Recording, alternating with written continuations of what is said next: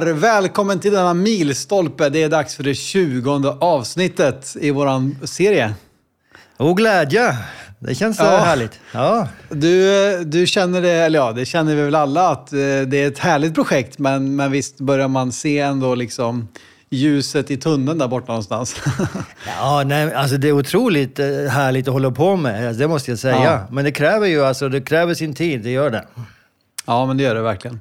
Eh, lite extra kul nu också här under hösten eh, så är ju både du och jag ute och har en del eh, möten och grejer och kul att möta också en del lyssnare. Eh, och roligt att eh, det finns någon på andra sidan om, om den här micken också. Ja, eh, precis. Jag fick mycket bra feedback faktiskt. Jag har varit i Nyköping, Uppsala här i helgen. Ja, kul. Jag har varit i Örebro och Jönköping här sista veckorna. Så det, det är roligt att få komma ut lite grann och, och möta möta människor som lyssnar och hoppas att det kan bli fler och fler genom åren. Det blir ju en, en resurs detta, ett bibliotek kan man säga, som, som ju inte kommer dö ut eftersom att det är historia. Det är fördelen Precis. med detta. Det känns bra. Eh, du, vilket årtal är det nu då vi ska prata om idag? Vi, vi ska till ett årtal som är viktigt ur flera synpunkter, men eh, det är mm. året 1517. Mm.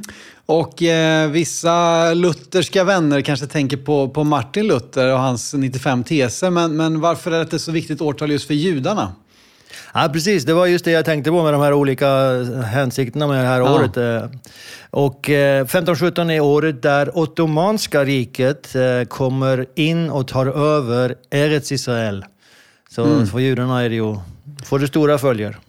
Precis, och det kommer vara i 400 år, ända fram till 1917 då, där ottomanerna är på förlorarnas sida i första världskriget. Och eh, vi kommer in i det, i det berömda brittiska Palestinamandatet. Men det här är ju en väldigt lång tidsperiod, nästan det längsta ett och samma rike har kontroll. Eh, ja, under, under nu, nu liksom oh. far jag snabbt i minnet, men det, det är nästan den längsta regent Jo, men så är det. Alltså, du, du, har ju det här tidiga muslimska riket, men det är ju flera dynastier som, som efterföljer varandra. Precis, och de erövrar varandra. Så här är det liksom ja. oerövrat kan man säga under 400 år. Och det, det är lite unikt i den här berättelsen vi berättar. Eh, men du, innan vi dyker in då mer, för som, som alla förstår så finns det mycket att säga. Men vad händer i världen då? Vi har redan nämnt det, att Martin Luther spikar upp sina 95 teser där på Slottskyrkans port i Wittenburg och det blir ju startskottet för reformationen. Men vad händer mer runt om i världen? Ja, alltså det, det händer ju rätt så mycket i Europa ska man kunna säga på den här tiden. Eh, och det, mm. Vi har ju mm. renässansen som, som pågår. Renässans kommer från ordet att födas på ny egentligen. Men det man gör är ju mm. man, man vill tillbaka till källorna. Ad fontes är ett begrepp som de kommer upp med.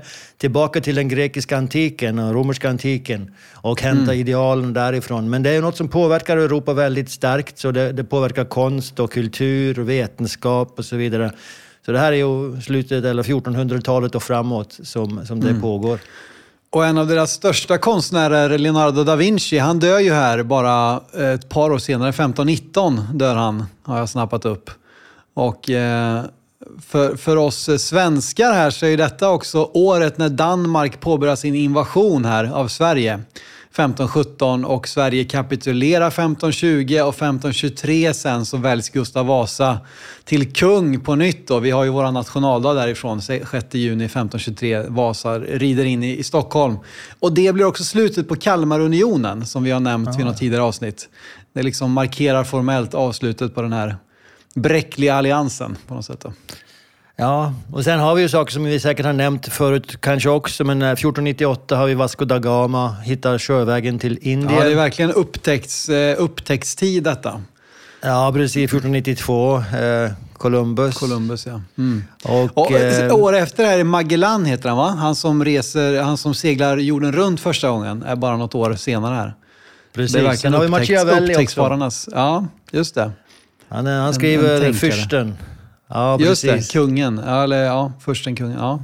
Försten den 1513. Eh, just det, och kung Ferdinand, eh, den spanske kungen, ses väl som, som Machiavellis liksom, eh, idealkung på något sätt i hans ja, och det tar, oss till, det tar oss till ännu en grej som, som pågår och det är ju det här Reconquista som slutar då 1492.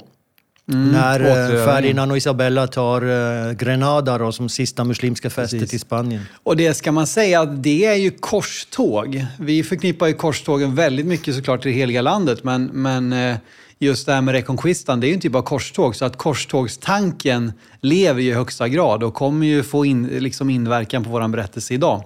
Det sista jag ska säga här också är ju till eh, vår producent här, Marcus Nielsens stora glädje så kommer kaffet till Europa detta år, 15-17. Det dröjer några hundra år innan det blir riktigt populärt, men, men 15-17 kommer kaffet. Det är nog många lyssnare som kanske sitter med en kaffekopp i handen just nu, precis som jag har. Vad vet jag? Jag har ingen eh, sympati för just den grejen. Nej, och Pepsi Max, det dröjer många århundraden innan ja, Pepsi Max kommer det. Fast det är kanske koffein också i den, så jag får väl kanske vara ja, tacksam säkert. ändå. Du får ge dig för det. Ja, det är bra. Men du, judarna då, var befinner de sig? Eh, det är ju Eh, ja, vi återkommer till det ofta, men det är ju Europa, det är Nordafrika, det är Mellanöstern. Eh, men det, det sker ju en typ av förflyttning här den här perioden ändå av, av judarna. Eh, från väst till öst kan man ju säga, på, inte minst på grund av utdrivningen i Spanien och Portugal 1492 så förflyttar man sig liksom till Holland, Litauen, och så vidare även in i Ottomanska riket då, som vi kommer komma tillbaka till. Så det, det sker ju en ganska stor förflyttning här som vi lägger grunden till att, att det kommer vara så väldigt många judar i Polen, i Ryssland och så vidare eh, in i våra, våra liksom 1900-talet och sådär. Jo, precis så är det ju. Alltså, för det, det, är ju det här som har med, alltså inkvisitionen pågår i, uh, i Europa, i katolska Europa där. Uh, Spanien mm. och sen sprider den sig också till delar av andra delar. Och det påverkar mm. ju då att judar antingen blir utslängda uh, eller tvangskonverterade och så vidare. Men mycket då flyttar österut. Och sen har vi också, inte bara österut, men även västerut, väldigt långt västerut, alltså till den nya världen. Just det. Eh, fast det läggs ju väldiga begränsningar på, på deras närvaro där av ah. spanjorerna och portugiserna som står i främsta raden för att inta den delen av världen. Så de vill ju inte ha judar där heller, men eh, ändå så lyckas de ju ta sig in. Jag har faktiskt en, en vän som är från Venezuela och eh, hans familj har judiskt påbrå. Eh, och eh, mycket möjligt att det kommer från den här perioden där ju många bosätter sig då liksom i, i latin centralamerika. Ehm, och så vidare runt om där. Det är stora, stora mängder judar också, de som blev tvångskonverterade och efterkommarna efter dem, eh, som finns ja. i, i de länderna nu. Just det. Eh, och samtidigt är det ju väldigt mycket intellektuell aktivitet. Alltså vi vet ju det, trots att judarna utstår det värsta. Vi, vi kommer, det är ju också mycket bålbränning som följd av inkvisitionen. Eh, getton kommer väl från den här perioden. Eh, alltså att man börjar verkligen liksom, eh, ja, de har väl alltid bott i sina stadsdelar judarna, men, men den, det begreppet har, föds väl här den här tiden. Ja, det är ju en sak att välja att bo i sina egna stadsområden, det är en annan när det är pålagt dig och, och det reses upp en mur runt och det sätts vakter vid porterna, du får inte släppa ja, det, ut. Och så vidare. Det är, det är lite annorlunda. Så. Och även ja. då från den här tiden så kommer ju alltså det här tanken om den omstrejfande, omvandrande juden, Eh, ja, den, kring, kringdrivande den, eller? Ja, han, han liksom den evigt vandrande juden som ja, alltid går omkring. Ja. Det finns ju sådana här stereotypiska ritningar av honom med, med en stor näsa, krokrygg, väldigt eh, larviga kläder, sådana här fillete kläder. Ja, långa rockar och... Ja, precis. Typ, och en stav och ja. sådär. Eh, och han nu får ett namn. Alltså det, det uppstår en legend runt det här på, på den här tiden. Där han heter Ahasverus och sägs att vara då den eviga juden, alltså han, när Kristus gick till eh, Golgata med korset så slog han till Kristus och hans straff var att omvandra omkring i, i världen mm. tills Messias kommer tillbaka. Och eh, när han ses, för det påstås, det finns biskopar och andra som påstår att de ser honom vid vissa tillfällen. Och då mm. förebådar det alltid en olycka som ska komma. Så, men, men det här är liksom legender och, som uppstår. Så, men, ja, precis. Men den evige juden, för det är ju ett begrepp som, som även nazisterna använder sig av, så att säga. Så ja. att det, men det och då har den ofta alltså den här, här karaktären, mm. alltså han ritas på det sättet. Men eh, judarna ligger ju inte på latsidan för det. Alltså, både judisk mystik växer ju fram väldigt mycket här och även alltså, intellektuell aktivitet. Det är ju alltid sådär. Judarna tillåter sig inte att, att underkuvas utan de fortsätter sin in, intellektuella historia kan man säga. Ja, de gör ju det. Alltså, och, och du kan ju säga mystiken uppkommer ju väldigt mycket som ett resultat, en konsekvens av att tiderna är så mm. tuffa som de är. Eh, för då söker man sig in i det oförklarliga, för det, för det här kan inte förklaras. Och eh, mystiken då ger, på något sätt kan ge svar och upplevelser som eh, inte är kopplade till den här fruktansvärda verkligheten som vi lever i. Men vi har ju, alltså, vi har ju haft, eh, alltså, om vi går tillbaka lite, så har vi haft 1200-talet, 1300-talet med stora judiska rabbiner som Maimonides och Rashi. Och ja. eh, Rashi och kom ju... Ram, Ramban också, alltså Nachmonides är också från den ja, tiden va? exakt. Precis, han kom också därifrån. Eh, men, men Rashi då, han startade en skola, eller efter honom kommer hans lärjungar som kallas för Tosafisterna. Och mm. Eh, de, de håller ju på helt till långt in på 1400-talet eh, med väldigt mycket intellektuell aktivitet och skrivande av böcker och så vidare. Jag nämnde mm. kanske det när vi pratade om Talmud, att deras kommentarer till Talmud blev till slut inskrivna i Talmud själv. Så det Just är mycket det. som händer. Ja. Ja, men verkligen. Och ehm, eh, det här också Messias-längtan i den här tuffa tiden, det återkommer vi också till att när det kommer riktigt svåra förföljelser, då, då väcker Messias-tanken. Och vi, har ju, eh, vi kommer nämna ett par sådana figurer och vi har ju tidigare avsnitt pratat om Sabtai Svi som också kommer in, eh, som att vi ska prata om Ottomanska riket, där han föddes där och sådär. Eh, men vi har tre stycken europeiska judar från den här tidsperioden som vi bara tänkte nämna liksom, för att beskriva lite vad som rör sig i Europa och runt omkring. Och den första är ju den som av många beskrivs som den första egentligen judiska historieskrivaren sedan Josefus. Vi pratade ju om det att judarna efter Jerusalems förstörelse så tappar lite judarna intresset av att beskriva historien. Man var mer intresserad av här och nu och liksom hur vi ska leva som judar här och nu. Men här kommer Solomon Ibn Verga som ju dör här någon gång 1525 eller någonting. Eh, vem var han? Ja, bara för att säga för nu håller vi på med Europa och egentligen så ska vi till 1517 och ottomanerna tar eh, Jerusalem. Men, men det är ju därför att det som händer i Europa får så väldiga konsekvenser för att judar mm. sen hamnar i, i Israel. Då. Och uh, han här då, Solomon ibn Verga, han är en spansk jude som, som kastas ut då, uh, av Spanien, Malaga. Men han skriver en bok som kallas, han, han, han ändar upp i Italien till slut. Och han skriver en bok som heter Shevet Jehuda, alltså Judas stammar. Och som du säger, då, det är den första judiska historiebeskrivningen där han egentligen tar för sig 46 olika judeförföljelser eh, som han då refererar till historiskt. Det finns ju väldigt mm. många fler, men han tar upp 46. Och han ställer egentligen frågan varför är det så att alla hatar judarna? Sen ger han ju mm. ett svar också, för, för han lever och han förstår, han lever i en tid där man går från ett väldigt traditionellt och kristet styrt Europa. Men via renässansen så, så tappar kyrkan lite av eh, taget och auktoriteten. Så han ser att vi är mm. på väg in i något nytt och här måste judarna hitta sin plats. Och, och han påstår faktiskt att uh, en del av förföljelsen mot judarna är deras eget fel. Så, så han, han försöker hitta en väg framåt. Hur kan vi anpassa oss i det här mm. nya Europa? Men oavsett, uh, Hans huvudfråga är varför är alla emot judarna? Just det. Hur, hur lång tid, alltså de här 46 judeförföljelserna, hur långt bak backar han? Eller är det någonting som sker väldigt i hans samtid? Eller backar han bandet Jag är inte långt, helt säker på, jag har inte läst själva boken, så jag är inte säker på hur mm. långt bak han går. Nej. Nej, men i alla fall, det är, det är, det är en milstolpe, någon som helt enkelt vill beskriva historien.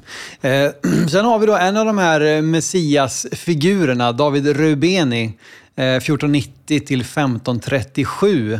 Och han då bland annat såg sig själv som bror till prinsen över Ruben, Gad och halva Manasses stam. Så han ville ju visa att han hade väldigt fint judiskt påbrå eh, och försöker påverka påven och så vidare ja, precis. Alltså, han, alltså, det finns lite olika. När man, man söker om honom och liksom eh, information, så, så, ibland så säger han en sån här sak, ibland säger han en sån här sak. En gång säger han att han är son av en kung, Suleiman, men en judisk mm. kung då, över de tio stammarna, som är de, de tio förlorade stammarna så att säga. Mm. Uh, och ibland så säger han, som du säger här, att han är bror till prinsen över Ruben Gad och halva... Men oavsett, han, han påstår att komma från ett land, uh, judisk uh, land, Eh, i östern någonstans, eh, mm. Mellanöstern. Och hans syfte med att komma till Europa är att samla en kristen här för att gå emot eh, muslimerna som har tagit kontrollen över Jerusalem. Så det, det. det är det som är hans mål. Och påven till att börja med är ju positiv. Han tycker ju, ja men varför inte? Vi kanske ska göra detta och skickar honom till eh, den portugisiske kungen. Men där sätter det stopp då och eh, istället så hamnar han i, i fängelse i Spanien och han försvinner lite grann, eh, den här David Rubeni. Ja, precis. Men inte innan han då träffar Shlomo Molcho. Ja, just det. En, en annan messiasfigur, ja. Ja, precis. Och han här blir ju verkligen mer, ännu mer en messiasfigur. Men, men han inspireras då av David Reubeni. Men David Reubeni, han vill inte ha något med honom att göra egentligen. Eh, men oavsett, det här är en portugisisk, eh, alltså så kallad nykristen är ordet de använder. Men det är ju alltså tvångskonverterade. Mm. Ja, precis. Eh, och han, han efterhand, han lämnar ju och blir kastad ut ur Portugal och vandrar omkring rätt så mycket i Europa, men, men även verkar det som att han kommer till, till Israel och till Safed. Oavsett så blir han en, en mystiker och en expert på Talmud. Och han påverkar mm. senare stora namn alltså, eh, som eh, Josef Karo, vi kommer att prata om honom, Josef Karo och eh, Alka Betz, mm. en, en, annan, som kommer att skriva verkligt viktiga saker inom judendomen. Jag ska nämna dem lite senare. Men till slut drar de tillbaka till Europa för återigen att få påvens stöd. Uh, och uh, till, till, slut så, så kommer den, påven acceptera honom inte och vad han säger och han blir bränd på bål till slut. Mm. Han avrättas i Tallinn då, på tal om, om, om det området. Då. Eh, och, I Mantova är min anteckning här. Okej, okay. ja, han avrättas i alla fall. Ja. Det, det, blev ett tragiskt slut även för, även för eh, Shlomo Molcho i alla fall.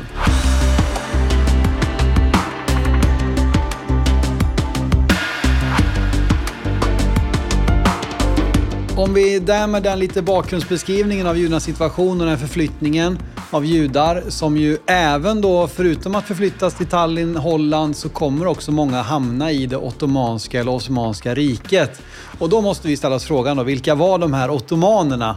Eh, turkarna kan vi ju också ibland beskriva dem som, men det är väl en, en typ av mix här. Men, eh, vill du beskriva lite grann eh, var det här ja. folket kommer ifrån?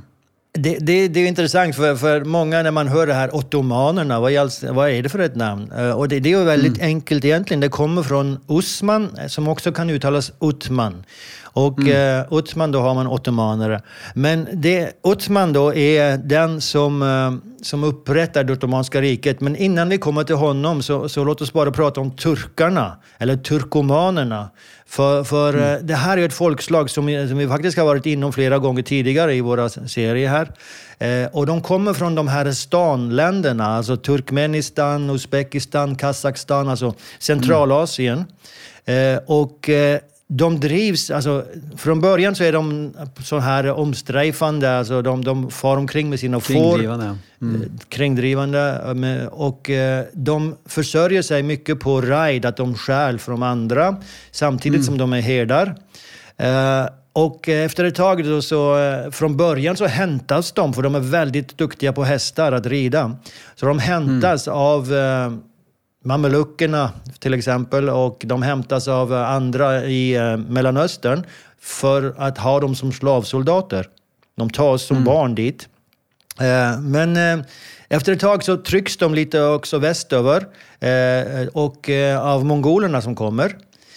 Men de har redan då, de har redan då genom seljukerna, för de har vi pratat om tidigare, Seljukerna mm. var också turkomaner och de upprättade ett kalifat eh, bara på 1200-talet. Bara för att säga då, seljukerna, det var ju huvudfienden då i det första eh, korståget 1099. Då var det seljukerna som höll på att tränga sig västerut och hotade eh, kejsaren i, i Byzant eller Konstantinopel och han fick då med ja, sig precis Eh, så att det liksom, känner vi igen det folket, vart de eh, kom ifrån. Exakt. De upprättade egentligen två, två sådana här kalifat eh, i Rum och ett annat ställe. Men i alla fall, de, de, eh, från 1000 till 1200 är de väldigt aktiva, de här seljukerna. Och de kallas på engelska Seljuk Turks. Alltså, så de kopplar direkt till turkomanerna då.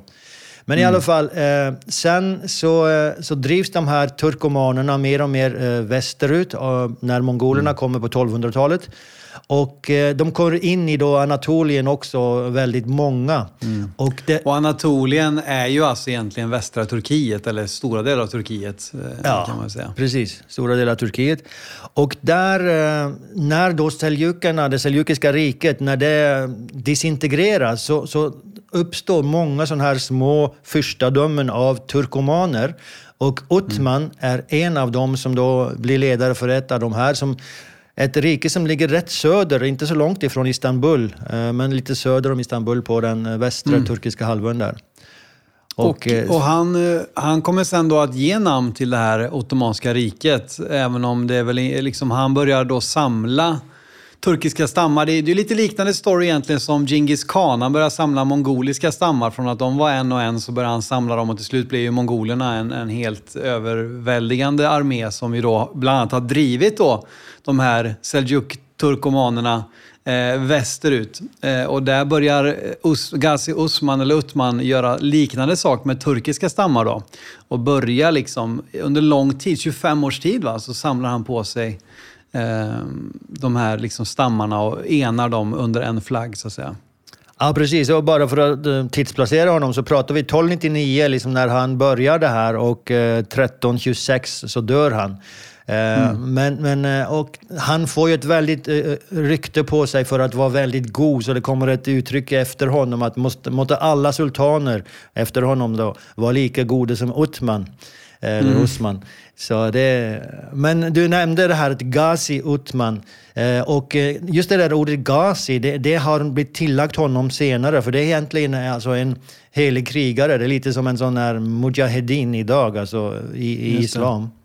En helig krigare. Men det, när han börjar så är det väldigt osäkert. Alltså, varför gör han det? De här har blivit muslimer. De var inte muslimer från början. De var shamanister. Alltså, de tillbe, tillbad sina förfäder Ja, och ja. andar och så vidare.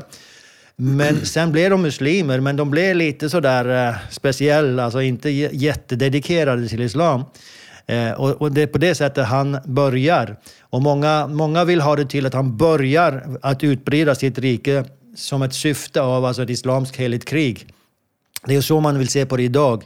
Eh, Men det är inte säkert att det var det som var hans motivation från början, för hans eh, muslimska övertygelse var inte så stark. Men det kommer definitivt att bli eh, ottomanernas eh, kamprop sen. Identitet, ja. Mm. Men eh, det är egentligen hans son och sonson nu som börjar efter att fa fadern här har samlat folk, eh, stammar, så är det hans son och sonson som börjar liksom utvidga det här riket och det blir ju ett enormt rike till slut. Och de börjar som sagt lite söder om Konstantinopel eh, och börjar erövra plats efter plats och det dröjer ända fram till 1453 innan, innan Konstantinopel då, eller Istanbul blir en del då av det här nya riket som ju också blir eh, ja, men huvudstaden. Och det är väl egentligen fallet då för det östromerska imperiet, gissar jag, eh, 1453. Att, Ja, att Konstantinopel det det, faller, det, krist, det kristna Konstantinopel faller och blir då istället huvudstad i det, i det islamska eller muslimska eh, ottomanska riket. Då. Ja, det är det ju. Och bara kort åt Orkan, son till, till Uthman, det är han som gör det här till ett heligt krig, alltså ett muslimskt heligt krig. Så, så från och med då så, så, så går det går rätt så snabbt. Då. Men som du säger så tar det ju lång tid. Ehm, Konstantinopel då blir som en enklav på den här turkiska Mm. halvön eh, som är kristen och den ligger där som en, torn i köttet skulle man kunna säga på den muslimska världen. Eh, men så 1453 så, så tar de den. Och Mm. eh, Det är bara lite intressant att sätta det här i sitt, i sitt, i sitt alltså samtidigt då som här pågår liksom en typ av erövring av turkiska halvön och samtidigt pågår reconquistan av Iberiska halvön där de kristna trycker tillbaka muslimerna där. Så det är bara liksom, man, man ser det här, verkligen maktkampen över Europa med dess närområden mellan då liksom kristna härförare och muslimska härförare. Det är liksom lite intressant att se den eh, samtidigt då. Pågår detta Ja. i Turkiet och Spanien. Ja, precis. Muslimsk tillbakagång och muslimsk framgång. Liksom. Ja. Eh, eller kristen framgång. Och, ja, precis. Vad, vad man nu ska Precis. se på det. det är intressant just med namnet Istanbul. Eh, för, för, eh, för ottomanerna, de kallar det inte Istanbul. Och varifrån kommer det? Jag, jag försökte liksom titta lite på, mm. på vad är upp, upp, upprinnelsen till det här namnet. Och eh, det finns olika svar på det. En del menar att det kommer från grekiska eistanpolis, alltså i mm. staden. Och att det blir då korruperat till Istanbul. Eh, sen finns det någon muslimer som vill ha det till att det är islambol, eh, mycket islam. Mm. men det är lite popularisering. passande.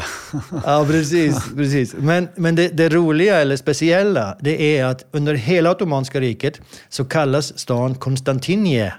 Alltså en arabisering mm. av Konstantinopel. Eh, och det är först på, på, alltså när Turkiet blir en republik på 1900-talet att det här namnet Istanbul blir det formella namnet. Intressant. Ja, verkligen. Eh, men eh, som sagt, eh, ottomanerna till slut då trycker tillbaka även den kristna kontrollen över Konstantinopel 1453. Eh, men det blir ju fortsatt ett kristet inflytande i Ottomanska riket. Alltså de, det, det, det, finns ju kvar, det är ju det är ett långt arv. Det är ju 1500 år av, av, av kristen tradition så att säga. Så, ja. så det dröjer sig kvar. Och, och, för man ska tänka sig det att eh, när eh, ottomanerna nu erobrar stora delar av Europa också, för de kommer ju alltså över, tar över Balkan och uh, Ungern och de här områdena, Bulgarien, så, så är det ju kristen befolkning. Alltså befolkningen, majoriteten är kristna. Och ottomanerna, mm. de, de förstod ju att vi kan inte döda alla de här, det kommer vi inte att tjäna på. Så det de gjorde var att de tvångsförflyttade flera turkomaner Eh, alltså mot Europa. Samtidigt då så använde de kristna, de såg till att de fick ett samarbete, så många kristna kommer högt upp i positioner och eh, mm. liksom har ett samarbete med Ottomanska riket. Det kanske passar bra här att slänga in, man, man får ju en typ av, av liknande dimmig, alltså vi har pratat om dimmis tidigare, att det alltså är bokens folk, judar och kristna, tillåts att ha en social status under muslimsk överhöghet så länge de liksom underordnar sig och betalar sin skatt och så vidare.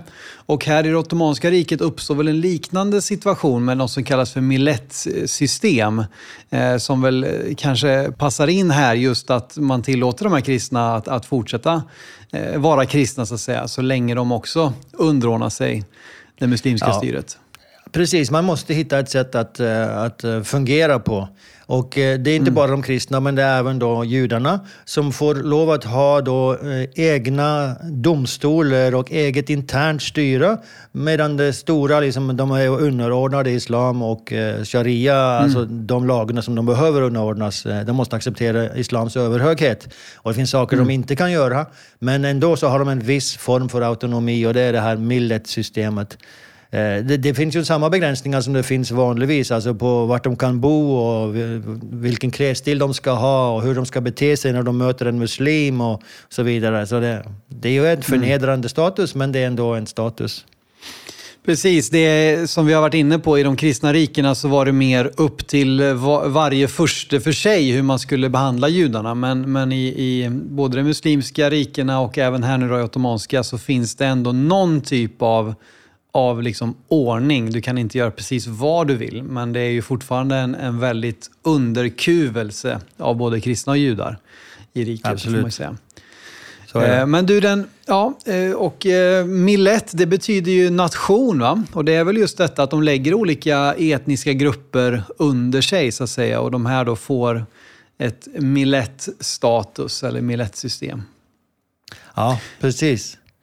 Eh, ska vi bara säga någonting också om hur de eh, krig, drev sin krigföring? För Ja, nej men absolut. Mm. Därför att det, det är ju så, vi, vi pratar om det, det är ju från de här stanländerna och vi har nämnt mongolerna.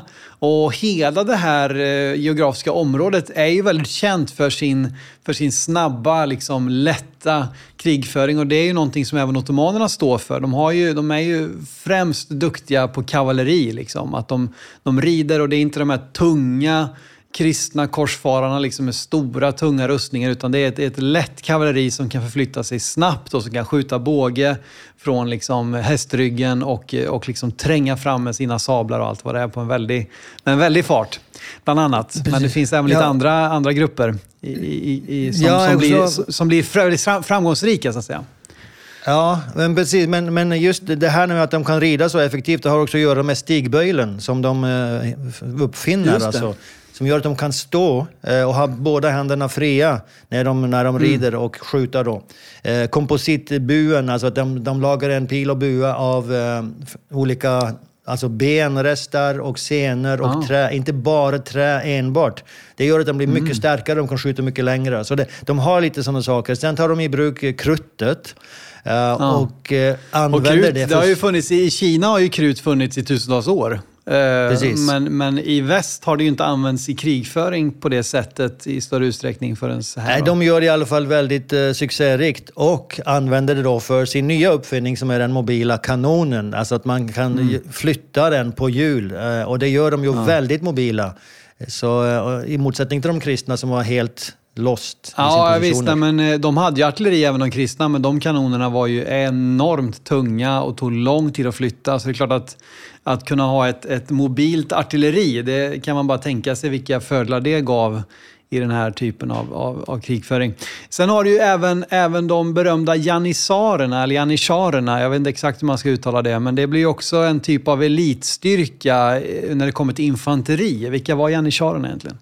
Ja, precis. Det, och här, då pratar vi alltså om eh, infanteri och inte kavalleri längre. Men det här är ju då slavsoldater som turkarna tar från de kristna. Alltså de tar kristna barn, eh, mm. fostrar dem upp som muslimer och eh, de blir då sultanens personliga vaktgard för, från början. Och mm. sen blir de då en egen armé till slut. Eh, när vi kommer längre ut i, i eh, det här Ottomanska riket så blir de ju faktiskt en egen maktfaktor i sig som ibland till och med jobbar emot sultanen. Men, eh, men då har vi kommit väldigt långt ut i Ottomanska riket. Från början är de en extremt effektiv militär styrka. Mm, just det. Ehm, och vi har nämnt lite grann om det här med den politiska eller hade du något mer där på, på just... Nej, jag bara säga äh, Janishar, vad det betyder på, på turkiska, vad jag förstår. Det betyder ny armé. Ny armé. Ny armé, ja. Ehm, och vi har varit inne lite på det politiska, det här med milletsystemet. Man, man, man upprättar ju också, det blir ju sultan, blir ju namnet väl på, på eh, den nya kejsaren eller så. Eh, jag vet inte hur mycket det samspelar med kalif, om det har med varandra att göra, med Nej, sultan och kalif. Det, har inte med det att göra, för senare så tar sultanen också titeln kalif. Men det blir det tillägg mm, det är till Kalifen sultanen. är ju den religiösa, islams religiösa över, överledare kan man säga, som deras påve ungefär. Då. Eh, ja, precis. Kalif, för det, det, kommer från ordet att byta ut. Så man, alltså det är av, arvtagare efter Mohammed. Så Just det. Man har, mm. Mm. Men eh, sultanen eh. betyder, alltså sultan betyder styrka, auktoritet. Så det, som du säger, är det, mer, det är en mer sekulär eh, position, men den är ju inte sekulär överhuvudtaget i, i det här Ottomanska riket. Men det är mm. ändå inte kalifat.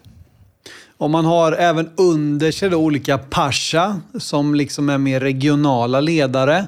Vi har pratat ibland om pashan som liksom hade kontroll över typ Jerusalem då. Eh, men det, det blir liksom sultanens underordnade. Ja. Precis, de, alltså de har ju en, en rangstiga här, sultanerna. För det första så har de vasallstater, alltså stater som blir deras underlägna, som betalar skatter och så vidare, vasallstater. Och sen så delar de upp landet, eller hela regionerna, i Sanjak och Vilayet. Alltså vilayet är som man skulle kunna jämföra med de romerska provinserna. Det är stora områden. En, en vilayet mm. är en provins. Och i den här provinsen så har du många Sanjak-distrikt. Eh, mm. Så då har de en ledare för varje av, av de här. Och eh, en pasha som du nämner, det är oftast en ledare i ett sånt här distrikt, i en Sanjak. En Sanjak, just det. Ja, Lite mindre. Så en guvernör på något sätt. Ja. Du nämnde ju här tidigare om att, eh, att turkomanerna eller ottomanerna, de, de, var ett, de var herdar. De var väl till viss del jordbrukare. De levde också på att röva och liksom erövra, men de var inga direkta handelsmän vid den här tiden, till skillnad från araberna som vi pratade om i tidigare avsnitt. De var ju mycket mer handelsmän och det fick ju väldigt stor vikt eh, för eh, Mohammeds framfart och hans första äktenskap och så vidare. Men ottomanerna skiljer sig lite här på det sättet så att handel, det hamnar ju i stor utsträckning i händerna på judar och kristna i det ottomanska riket. Så att det, det är judar och kristna som, som liksom sköter mycket av handeln i det här stora imperiet som ju bara växer och växer och växer. Ja, ja men, men så är det ju. Och de har ju verkligen erfarenheten också. Så ottomanerna, de förstår ju att vi är i behov av de här sakerna som både särskilt judarna, men också kristna då, kan ge oss med att utveckla handeln. Så de, de välkomnar ju verkligen judarna, särskilt mm. då när de kommer efter utkastelsen från Spanien.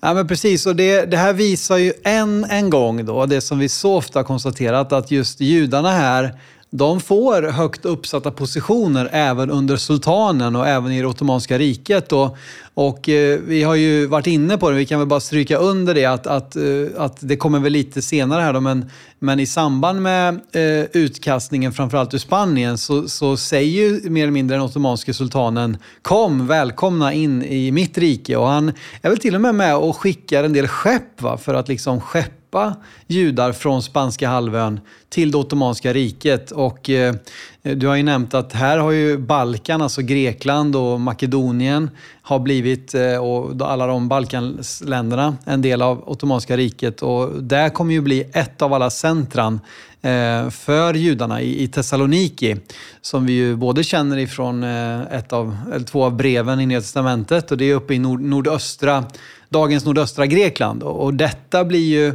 tack vare den här förflyttningen tillsammans med Istanbul eller Konstantinopel, liksom centran för eh, judar, ju, juda, judiskt liv eh, framöver, där de ofta får handelspositioner och högt uppsatta positioner under sultaner och så vidare.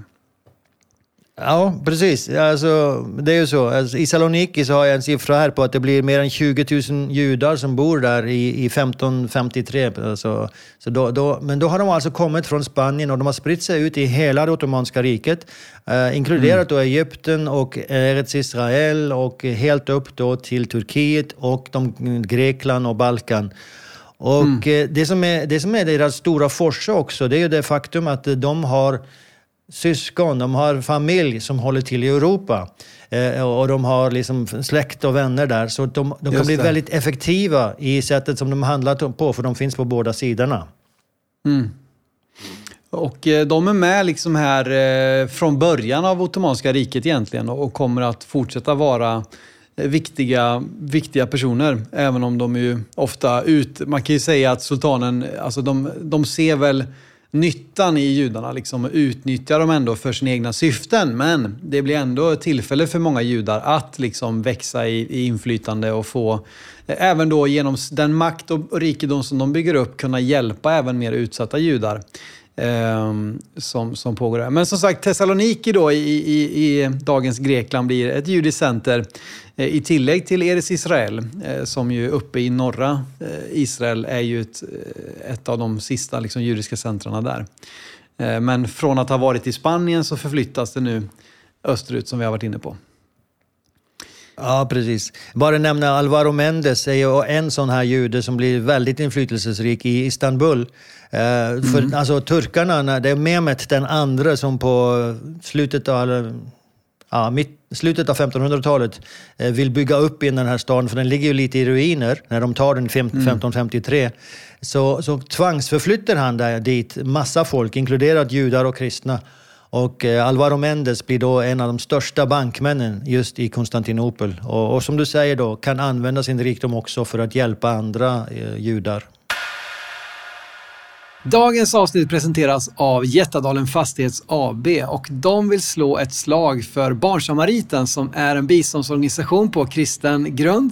Och de bedriver arbete i fem olika länder. De har 90-konto och ett av länderna de arbetar i är DR Kongo som ju är väldigt utsatt av sexuellt våld på grund av inbördeskrig och konflikter. Och där så samverkar Barnsamariten med Dennis Mukwege, Nobelfredspristagaren, för att hjälpa framförallt utsatta tjejer och kvinnor som eh, genom Safe House, genom traumavård rehabilitering och sjukvård på olika sätt. Och det här är bara ett av alla de viktiga arbeten som Barnsamariten bedriver. Så varför inte kolla in barnsamariten.se för att se hur du kan vara med och stötta deras viktiga arbete på olika sätt.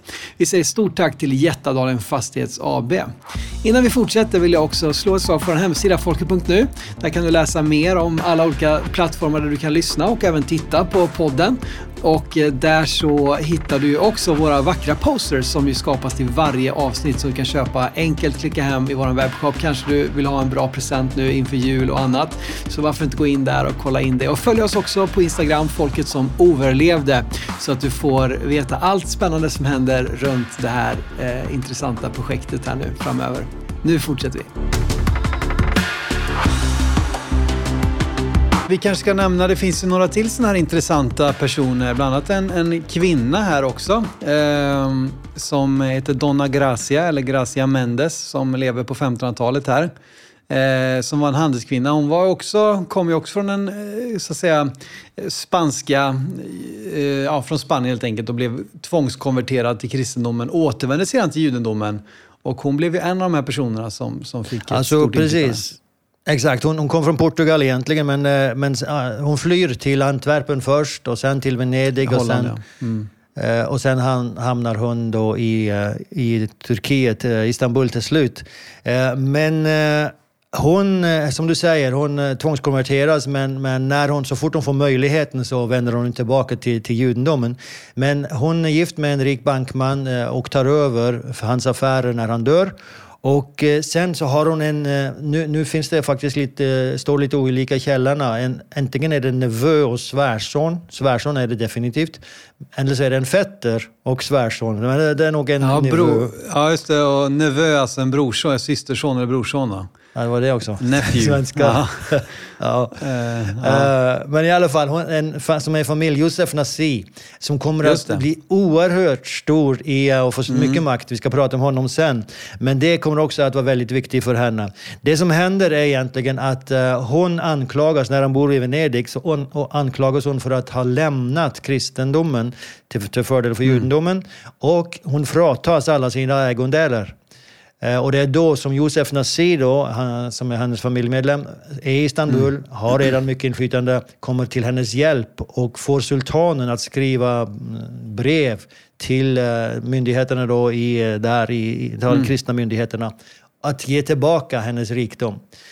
Men sen så är hon väldigt generös också med att hjälpa andra judar. För på den här tiden så finns det ett fenomen att kidnappa judar. Och Mm. eh, särskilt korsfararna var väldigt duktiga på det.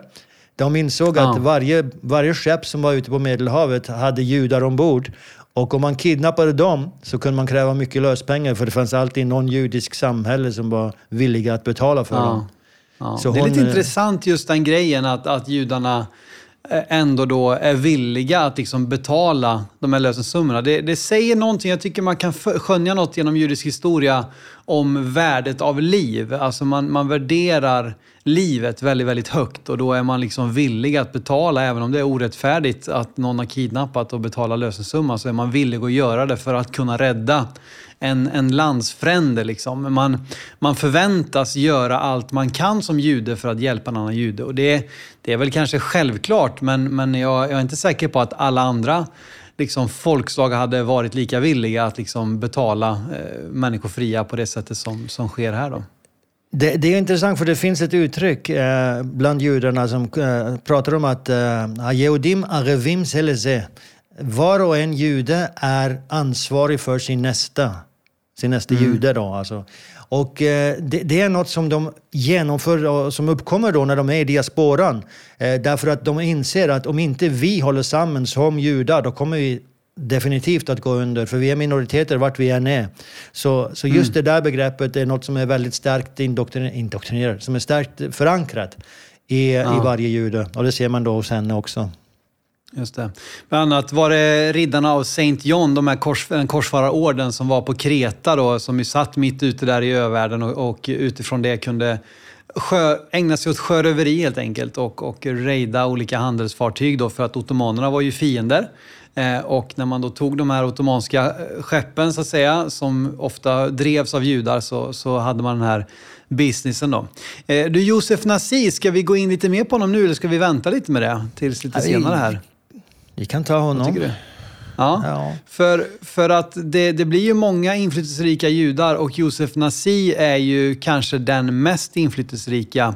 Han blir ju mer eller mindre, vi kommer ju komma här till, till bland annat Suleiman den store då som liksom är en huvudperson här just kring att Jerusalem er, erövras.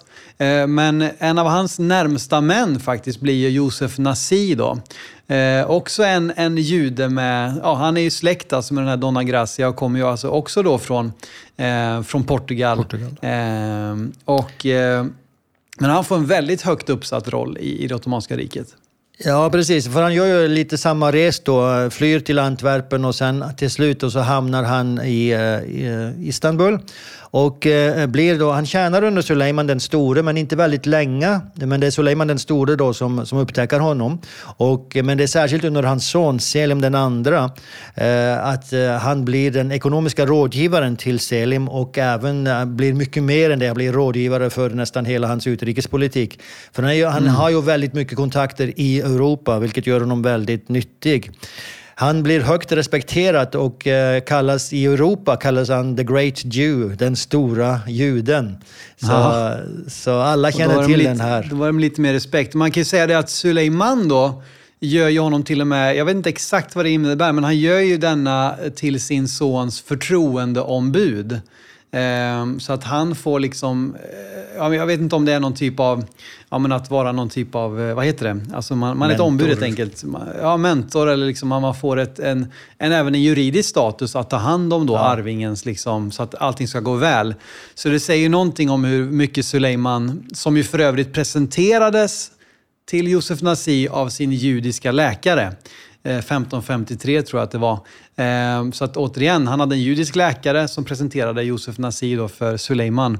Och han blev ju verkligen den här länken mellan öst och väst. Han blev en medlare både när det kommer till handel men även till eh, krig och sådär. Så att han, det, det finns ju nästan ingen gräns. Och han var ju också en, en tidig sionist. Han trodde ju på judarnas återvändande till Israel, Eres Israel och till Jerusalem. Även om han väl insåg lite grann att att vi kan, jag kan inte tro för mycket om Jerusalem, så att säga, för det, det visste han, det ville Suleiman ha åt islam. Så att han satsade ju mycket på Galileen eh, och fick väl till och med Tiberias utav Suleiman. Eh, eller kanske till Selim. Han, han, fick Tiberias, han fick ju flera, så han fick även delar av Cypern och, och blev nästan kung av Cypern, men eh, mm. Naxos. Och, eh, och, men i alla fall när det gäller Tiberias så hade han stora planer för Tiberias och ville liksom förbereda staden för att judarna skulle kunna åka dit. Eh, och mm. han började ju sätta upp en, en, form för industri för dem där, planterade träd, byggde gator och, och hus. Men Precis. det blev inte jättelyckat kan man säga eh, i hans tid. Så eh, det, det, hans eh, sionism var verkligen genuin, men eh, han flyttade inte dit själv kan man säga. Så. Nej. Ja, det är som vi, vi ser ibland de här rika filantroperna, inte minst Rothschild och sådär. Det var ju någon som sa att om, om Israel ska bli ett land, då vill jag vara dess ambassadör i Paris. det är väl lite, ja, den, precis. Eh, precis. lite den grejen, att, att man vill gärna, man tror på idén men man är inte villig att kanske ge upp sin egen bekvämlighet för att, för att åka dit så att säga. Men Josef Nassi var en, var en tidig sionist och använde sina, sitt inflytande ändå till att hjälpa judar.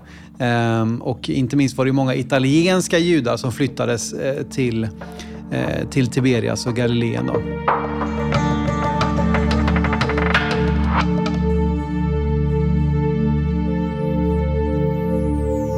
Men du, eh, vi börjar väl kanske närma oss nästan att det här ottomanska imperiet, det utvidgas. 1453 tar de Konstantinopel och de, de fortsätter eh, utåt och de närmar sig nu en stor fiende, nämligen mameluckerna som ju, som ju sitter på kontrollen i Israel och även nere i Kairo är ju den andra stora fienden. Eh, den andra muslimska fienden då, får man väl säga. Eh, som utmanar sultanen här om makten i, det, liksom, i islamvärlden om man säger. Ja, så, eh, så, är det. Och eh, det är just därför att de är intresserade i att gå åt det hållet. För då kan de få kontroll över både Jerusalem, Mekka och Medina om de bara kan hantera mameluckerna. Så det är mm. det som är deras motivation för att kunna kalla sig också rättmässiga kalifer ledare av islam. Så då har vi Selem den första, eller Selem the Grim, den, den onde, ska man kunna kalla ja. honom. Selim the eh, Grim, det blir ju till och med rimma. Precis. Eh, och det, han, sättet han kom till makten på var ju verkligen på det sättet. Han satte sig upp emot sin far då, som var sultan före honom. Eh, mm. Samlade en armé och gick emot sin far Bayezid. Eh, och eh, till slut så, så dethrone, han, han kastar bort honom från tronen och slänger honom bort i ett hörn i riket.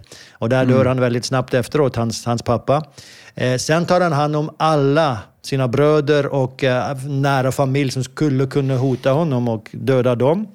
Mm. Han påminner lite om Herodes den store på det här sättet. Alltså var ja. en sån här riktig sån, ja, och, och till slut så har han ju dödat alla sina övriga söner också, förutom den som han har valt som, som tronföljare, Suleiman den magnifike, vi ska komma till.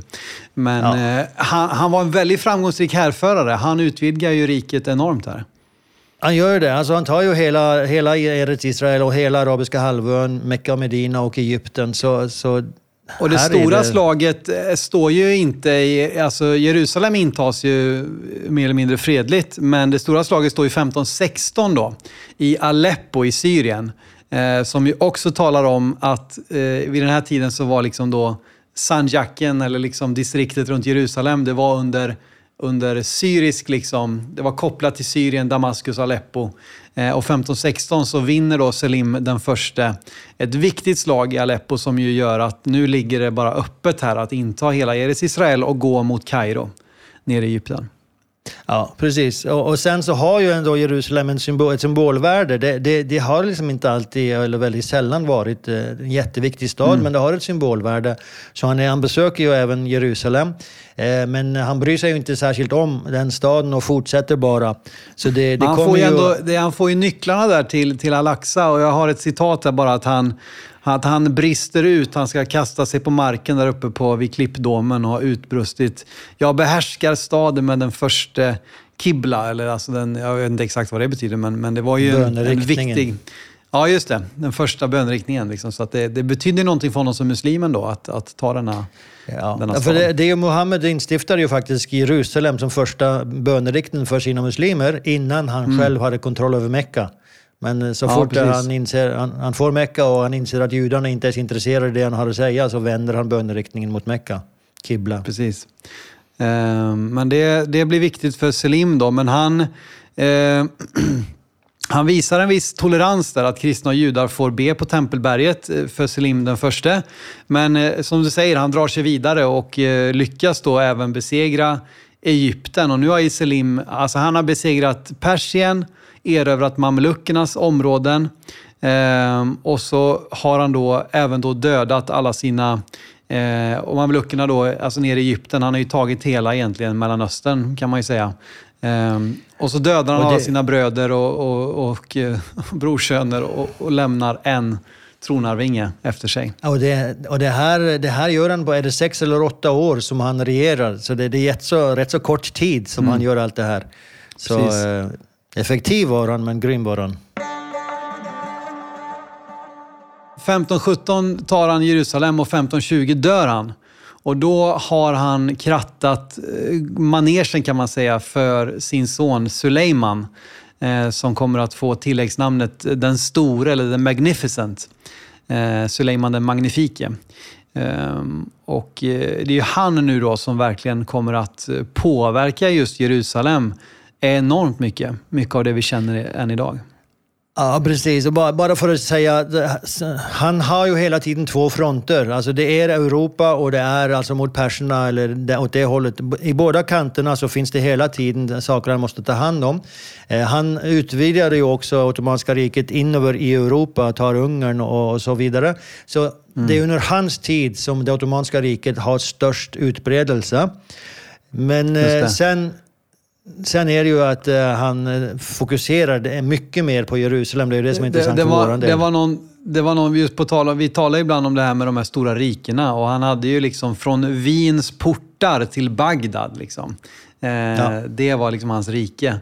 Så att återigen, precis som de tidigare romerska riket och, och sådär, så, så har han nu ett enormt rike. Och han var ju bara 25 år när han kom till makten.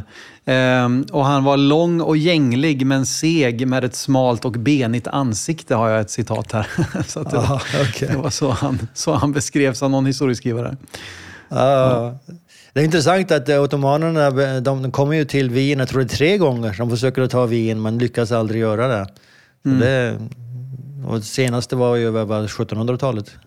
Och han säger då, i Bagdad är jag shah, i de bysantinska rikena Caesar och i Egyptens sultan. Och sen då lägger han ju till den här titeln också kalifa. Han gör sig till kalif, ja. alltså till ja, ja. Eh, efterträdare till Mohammed. Så att han får ju den här... Och vi har ju talat om det, att kalifen, till skillnad från påven, så är kalifen både kejsare och religiös ledare. Så att säga. Det är både politisk och, och religiös makt som nu eh, verkligen hamnar i järnhand här i Suleiman el Magnifiques händer. Ja, så är det. Ska vi ta hans i Jerusalem? Det, det, ja, det är det precis, som är roligt för där, det är det vi vill komma till naturligtvis. Men det, det, är, en, det är ändå en liten fascinerande person detta. Ja, absolut. Eh, det måste jag säga. Uh, han ska ju ha fått en dröm. Han ska ju ha fått en dröm av, av, att, han, att han får besök av profeten, då, profeten Muhammed, som berättar för honom att han ska slå tillbaka. För att slå tillbaka de otrogna måste han försköna helgedomen, då, tempelberget, och återuppbygga Jerusalem. Uh, huruvida det var uh, påhittat eller inte, men, men han, han, får, han får en väldig ambition här att, att, att ja, ja, försköna och bygga upp Jerusalem. Det finns det finns ju en legend bakom den drömmen. Den drömmen går ut på att uh, han jagas av fyra lejon. Och uh, mm. han vaknar upp och, uh, och sen så frågar han sina rådgivare och drömtydare. Vad, vad, betyder den här drömmen? Ja, jag kommer inte undan. Och då säger, ger de den här tolkningen som du säger, liksom att ja, men du, det är för att Jerusalem, Jerusalem ligger utan murar, du måste bygga upp murarna runt Jerusalem. Och eh, mm. därför så har vi då lejonporten med fyra lejon som, mm. på, på muren där. Så det, det som, är väl sen, legenden. som väl sen visade sig vara några pantrar va, från någon tidigare. Ja, men, det, men det, är väl så. det finns olika, olika legender, men det är så. ja. Men det är uh, någonting här, hans, hans fru, hans favoritfru, eh, eh, Roxelana, hon kallar ju honom också sin tids Salomo. Och det, det finns ju vissa likheter där med, med kung David och kung Salomo. Alltså kung David som ju erövrade enorma riken eh, och sen lämnar över till Salomo som, som ägnar sin tid åt att bygga upp. På liknande sätt har ju Suleiman the, Grim, han har erövrat enorma riken och nu får Suleiman den Magnifike eh, i alla fall bygga upp och försköna Jerusalem. Ja, precis. Och då eh, när det gäller Jerusalem då, så, så är det ju alltså det mest dominerande det är murarna. Eh, och, mm. eh, men han gör ju annat, vi kan komma tillbaka till murarna, men han gör ju annat också. Han bygger ju alltså så kallade sabil, eh, vattenfontäner, mm. som ska tjäna offentligheten. För han, han reparerar akvedukterna. Jerusalem mm. har ju inte nog vatten och det vattnet de har det ligger lågt. Alltså Gihonkällan och som då har blivit ledat till Siloadammen ligger längst mm. ner i stan. Så när man nu bygger mycket längre högre upp så har man inte vattenkällor där och man måste leda det från Solomons pools, alltså Solomons eh, mm. dammar som ligger utanför Betlehem. Och det har man gjort hela sedan Herodes tid. Men de akvedukterna har blivit förstörda och han Mm. återuppbygger dem och sen så bygger de de här vattenfontänerna. Och vi har Ni, även då... Nio stycken och tre stycken uppe på Tempelberget. Så det, det, visar ju, och det är ju verkligen högst upp liksom i, i ja, ja. förutom Precis. Olivberget då. Men... Det, det, är så högt som du kan få det. Alltså olje, eh, Tempelberget är så högt som du kan få det när du tar vattnet från eh, Solomons puls på grund av fallhöjden. Ja, just det här med, eh, vad kallar vi det för någonting? Kärlen. Ja, det, må, det måste de, de ligga högre. Ja, ja exakt. exakt, ja. exakt. Och, och, det är först när vi kommer i modern tid och pump, alltså man, motorer kan pumpa vatten, att man kan utvidga Jerusalem och få vattnet andra ställen. Just det, kommunicerande kärl. Det var det vi kallade det, va? Jag tror vi har varit inne på detta tidigare. Okay. Det, det, okay. det, heter liksom det här med att det ska kunna falla.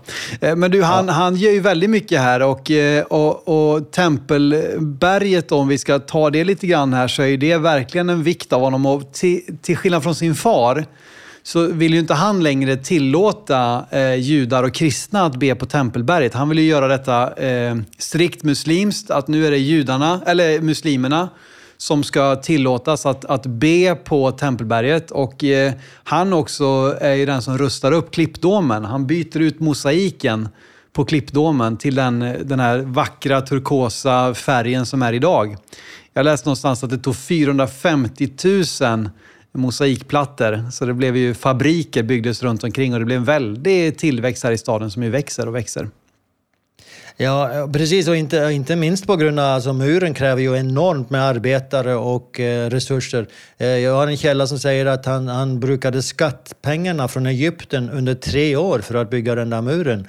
Eh, det mm. låter väldigt mycket, men oavsett, eh, alltså det var en stor investering att bygga upp den muren. För den hade legat i ruiner sedan eh, då mameluckerna tog Jerusalem, mm. alltså 250 år tidigare.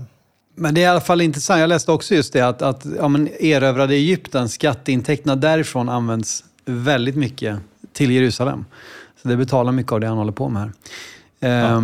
För murarna har ju varit i ruiner ända sedan 1200-talet när mameluckerna kommer in och förstör dem. Eh, så att säga. Så att eh, det är ju, och staden under mameluckerna, det har ju varit nere på bara några enstaka tusen personer.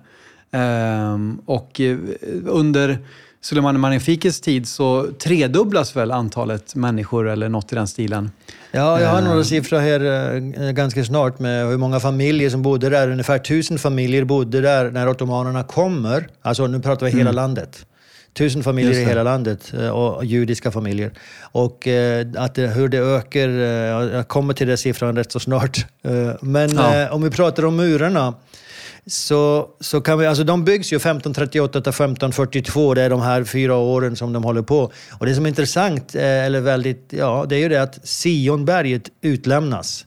Och därom mm. strider ju forskarna varför utlämnade de Sionberg? För det hade traditionellt varit inkluderat och det finns ju en naturlig dal nedanför, Hinnomsdal, som eh, mm. gör att bygga, inkludera Sionberget är väldigt strategiskt.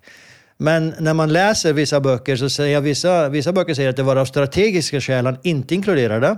Och andra mm. säger att det var arkitekternas eh, misstag eh, som gjorde att han mm. inte inkluderade. Och de arkitekterna, sägs det då enligt legenden, ligger begravna precis innanför Jaffaporten. Man kan se deras gravar idag. Mm. Eh, och de är väldigt korta, för de blev eh, halshuggna. Och vi ska bara stanna till här nu för den som inte förstår det. Alltså de murarna vi ser idag, när vi besöker Jerusalem idag, det är ju Suleiman de Magnifikes murar. Vissa portar har ju blivit tillagda eh, senare, men murarnas sträckning är ju alltså från den här tiden. Och det vi pratar om nu, det är ju precis då söder om, eh, ja, Sionberget är ju precis söder om eh, Jaffaporten, Sionporten eh, och där du har Hinnomsdal då, som går in med Kidrondalen. Eh, och där uppe byggde ju sen då Moses Montefiore de första kvarteren när man på 1800-talet började bebygga utanför murarna för första gången då, sen den här tiden. På andra sidan Hinnomsdal, ja. Ja, liksom, precis. Ja. Så det är lite intressant. Men, men stora delar av, av, eh, även om Sionberget inte inkluderas, vill du ta oss med lite grann för att delar av murarna byggs ju uppe på murarna som går tillbaka till Herodes tid. Jag vet inte om de går tillbaka ännu längre liksom till Salomos tid. Då.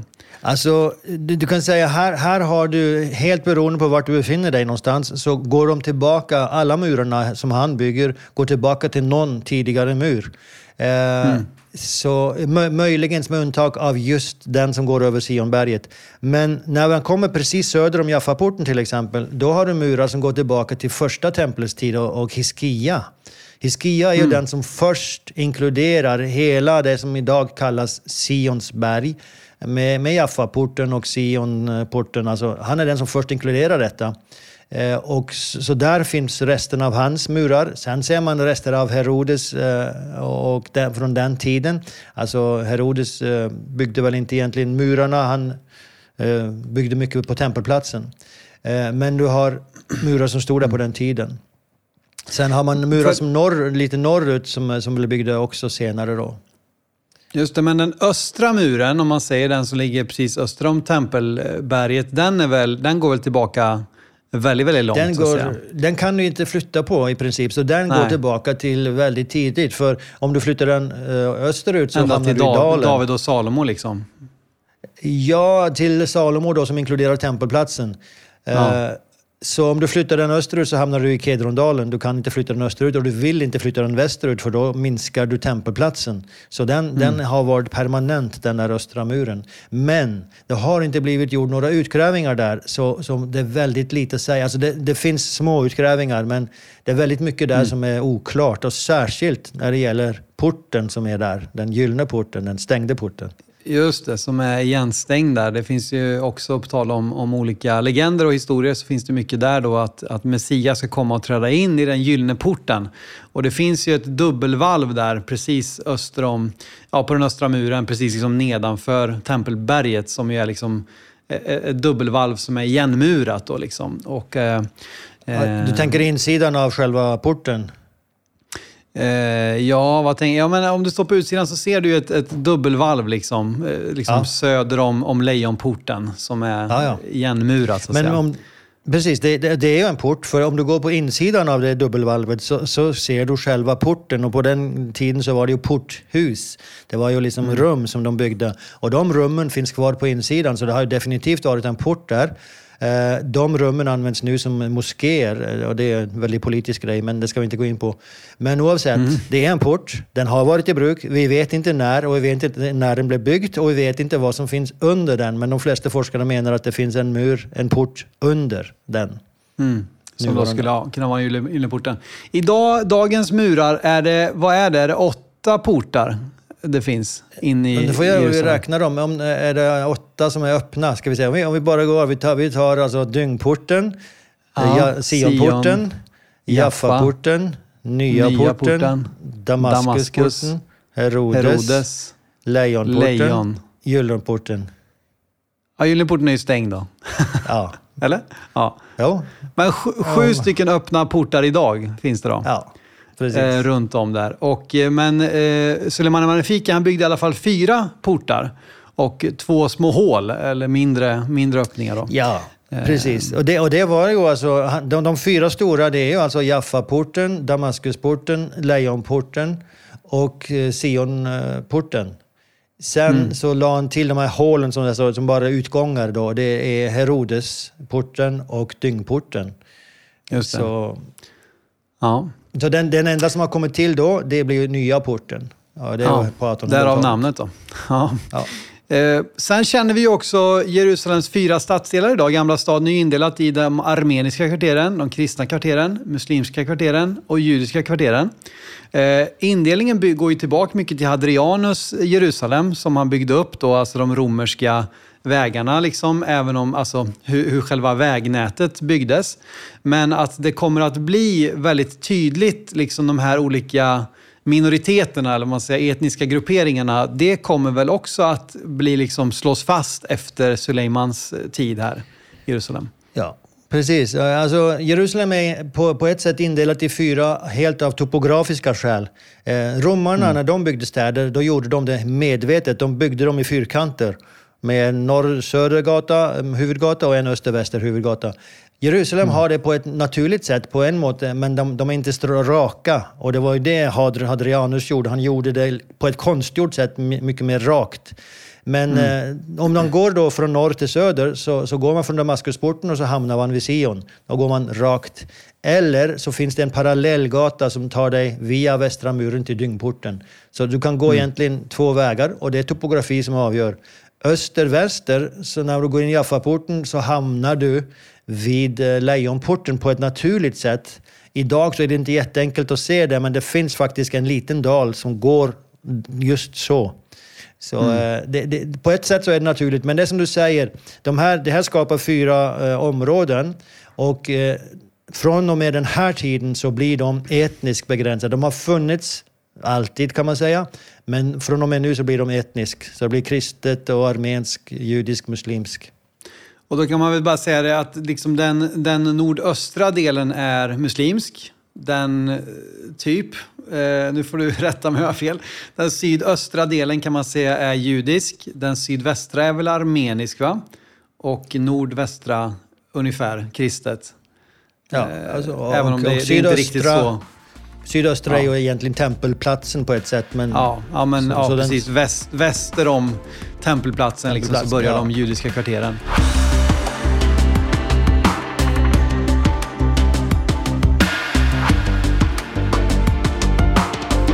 Och då kan vi väl komma in på detta för att eh, eh eh, judar hade ju bott där länge men vid den här tiden läste jag om att det, det är eh, nordafrikanska muslimer som kontrollerar det här området som blir så viktigt för judarna. Eh, men Suleiman Magnifika, han vill ju inte, han vill gärna ha judar i staden för han, han ser ju deras nytta. Men han vill ju vara väldigt tydlig med att det är islam som är liksom överhöghet här. Och då vill han ju begränsa att eh, judar får komma upp på Tempelberget och be. Men han ger dem då eh, några meter utav stödmuren. Eh, som ju judarna sen kommer att eh, kalla för Hakotel. Va? Jag vet inte om det är rätt uttal, men som ju betyder Hakotel. muren. Mm. Hakotel, eh, som vi börjar kalla västra muren, vissa kallar klagomuren. Och detta är ju idag då judarnas mest heliga, heliga plats. Då där de kan samlas till bön och där vi ju ser alla som har varit där och vi har sett bilder allihopa på, på, ifrån eh, tv-reportage och allt möjligt. Då. Och det, liksom att det blir judarnas böneplats, det har sitt ursprung då också i Suleiman den magnifike. Alltså det går ju tillbaka Eller att det blir deras längre. viktigaste böneplats. Men det tillrätteläggs av Suleiman. Men, men åtminstone, alltså här finns det återigen lite oklarheter, men åtminstone sedan Nachmanides och 1300-talet ja. så har det här varit en böneplats för judarna. Och möjligen så det finns väl en, en synagoga i en grotta där också, va? Eh, liksom som är gammal. Det, det finns en synagoga där Nachmanides som man byggde längre upp i judiska kvarteren. Ja. Eh, så, men sen finns det ju en grotta, den som finns fortfarande idag kan man säga. Man kan gå in? Uh, ja. ja. precis. Men uh, i alla fall, Suleiman tillrättalägger det här. Men traditionen att be, be vid Västra muren kan gå väldigt långt tillbaka, till även till tiden alltså Hadrianus när, och sen den bysantinska, när de tillåt judarna komma in i stan en gång om året. Just det, och när det fanns så, ett, ett Jupiter-tempel där uppe så att säga. Och... Så precis, och att de då samlades där. Så här är det lite oklart mm. när det började, men, men vad vi vet i alla fall 1300-talet. Men Suleiman tillrättalägger det här. Men det, då är det ju ett smalt, du kan inte tänka dig så som det ser ut nu. Det är liksom 6-7 eh, meter eh, område, en liten stripa som går längs mm. vid muren. Därför att det finns ett, eh, en stadsdel där, muslimsk stadsdel precis bredvid. Och den och finns ju där ju... fram till 1967 faktiskt. Ja, exakt. Jag skulle komma till det. Alltså, ända fram till sexdagarskriget så är ju... Idag är det ju en stor plaza, liksom, ett stort torg, öppet torg som judarna är ute i ordning då. För det kan ju samla, det kan ju samla 100 000 människor där till bön på olika högtider. Men ända fram till sexdagarskriget så är det bara en liten smal gång då på, på några meter Eh, där judarna då samlas till bön. Eh, det kommer också härifrån. Så att eh, som sagt, judarna tillåts, men det ska vara tydligt vart de har sin plats så att säga. Men han är ju inte, han är inte emot att judar är i Jerusalem, eh, Suleiman Magnifike, och inte heller eh, ottomanerna framgent så att säga. Kan väl det, säga just när det gäller ja. de kristna så, så tar han ju, alltså han har ju inte så jättemycket för de katolska, han är väldigt emot dem. De här eh, ja. sultanerna, de favoriserar ju ortodoxa kyrkan. Så han flyttar ju faktiskt eh, de eh, katolska, alltså franciskanerna från mm. det som vi kallar idag övre salen. Det, det var ju då ett stort eh, franciskanskt kloster där. Och där, där låter han dem inte förbli. Så han flyttar dem där och in i stan, det som vi idag kallar uh, The Church of the Savior. Den enda, mm. enda kyrkan med klocktorn i, i Gamla stan. Där, där blev de gett mark istället. Och sen gör han då det här sin, eh, övre salen till en moské som vi ser att det fortfarande finns spår av. Du har den här Kibla böneriktningen i övre salen fortfarande idag. Just det. Och den ortodoxa kyrkan, de fanns ju nära honom så att säga. De har ju sitt, sitt ursprung i Istanbul, eh, liksom, eller Konstantinopel. Ehm, eh, och den, den öst, östromerska kyrkan då, som ju är den tidiga grenen. Så att man förstår ju att, att de, de låg lite nära. Det där kommer väl att förändras lite längre fram när franciskanerna får eh, blir en viktig... Eh, eh det kanske är hans son i och för sig som det kommer till att, eh, att katolikerna blir en viktig förbundsförvant i, i, eh, liksom för att ja, ha precis. kontroll i Europa. Eh, Exakt. Alltså, Europa försöker hela tiden komma med sitt inflytande, men de, har, alltså, de katolska har ju redan haft en storhetstid under korsfararna. Då tryckte ja. de ju ut alla de östliga religionerna. Så, så det här går i vågor när vi ändå är inne på detta, vi, vi tar lite sådär vad som ändå finns kvar idag, så kan vi bara, om vi backar bandet lite vad som hände innan när mameluckerna var där, då var ju franciskanerna, katolikerna, väldigt framträdande i staden. Och det är då man börjar också traditionen kring Via Dolorosa, den traditionella. Att ta hand om pilgrimerna och gå då eh, från Antoniaborgen till den heliga gravens kyrka. Eh, och att eh, katolikerna liksom ordnade den här den här vandringen för att liksom leda pilgrimer. Så det är mycket som, som, som liksom kommer från den här perioden som vi känner igen än in, in, in, i våra dagar. En annan lite kul grej, vi pratade om de här skatterna ifrån Egypten och det var ju en jude också som hade hand om att administrera de här judarna, äh, äh, skatterna. Abraham de Castro. Eh, som också var en högt uppsatt jude som hade då, han fick ta hand om pengarna som kom in från Egypten. Så att eh, Suleiman han var omgiven av judiska rådgivare och högt uppsatta det kan man väl säga. Man säga. Väldigt många kungar och, förstar skulle inte klart sig utan, utan judarna. Men, men bara alltså Via Dolorosa, den, den tradition som vi har idag, så den, den kommer ju definitivt därifrån.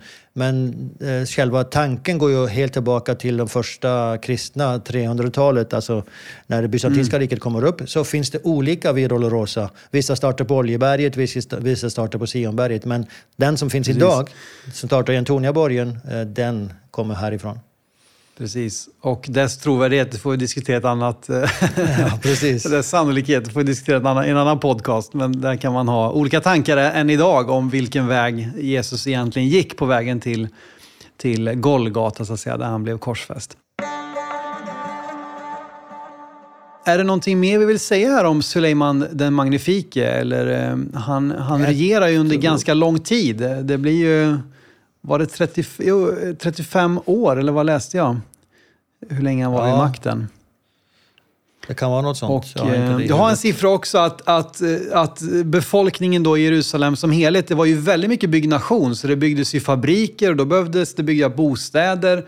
Människor flyttade dit. Eh, och eh, jag läste då att, att befolkningen tredubblas till 16 000 och att antalet judar fördubblas i Jerusalem till 2 000 under Suleiman Magnifikes liksom förädling här utav Jerusalem. Ja, precis. Inte om du har några eh, andra det, siffror det där. Men... Jag har eh, några siffror längre ner, men det är liksom mer generellt för hela landet. Ja, ja men intressant. I alla fall mycket av det vi känner i dagens Jerusalem som har sitt ursprung i denne Suleiman Magnifike och, och intåget här. Ehm, och eh, han kommer ju sen då att lämna över till sin son eh, naturligtvis, eh, som blir nästa sultan och där Josef Nasi blir eh, den, den nästa sultanens kanske ännu viktigare. Eh, den sultanen hade tilläggsnamnet Fyllbulten, så det var inget jättepositivt smeknamn. Eh, men där fick Josef Nasi en väldigt viktig roll. Och sen fortsätter historien här framåt. Jag vet inte om det är något du vill stanna till vid? Nej, här, det, det är väl bara att uh, det är Selim den andre som är hans son, uh, Fyllbulten eller vad du kallar honom. Ja, precis. uh, the drunkard, uh, ja, ja, i alla fall. Mm. Han, men efter, du kan säga att efter Suleiman den store så blir ju Ottomanska riket aldrig som det var. Alltså nedgången börjar, det kommer att ta lång tid, men nedgången börjar fast även då under Selim, så den mm. Så det, det, det, är bara intressant att veta att det där, alltså den absoluta storhetstiden var inte jättelång. Mm. Eh, nej men precis, och en sista sak vi kan nämna här ändå, eh, som jag har inspelan på idag, det är ju även kring den heliga gravens kyrka. Eh, idag är den ju uppdelad i, i är det åtta olika eh, samfund, så att säga, eller åtta olika kyrkotraditioner som, som har tillgång till Heligagrams kyrka. Det är väl också fem. något... Ja, det kanske, Men, eh, kanske är fem som är kvar. Eh, ja. Jag läste någonstans att det var åtta vid den här tiden och det är ja, ju väldiga maktkamper här nu. Under Suleiman Magnifike om den heliga Grans kyrka. Franciskanerna vill ju, som de har haft under Mamluk, eller korsfararna, de vill ha full kontroll, men det är många om, om makten där. Eh, och jag läste om att det var åtta olika kyrkor då, som vill ha sin del av Heliga Gravens kyrka, men då är det väl fem då, som du säger, som är kvar än idag. Då. Och det här är också någonting som, som liksom sätts på plats lite under den här tidsperioden. Ja, precis. Alltså, för här så, så blir det ju som du säger, det blir maktkamp och eh, efterhand, alltså Suleiman den store, han favoriserar definitivt ortodoxa armeniska kyrkan.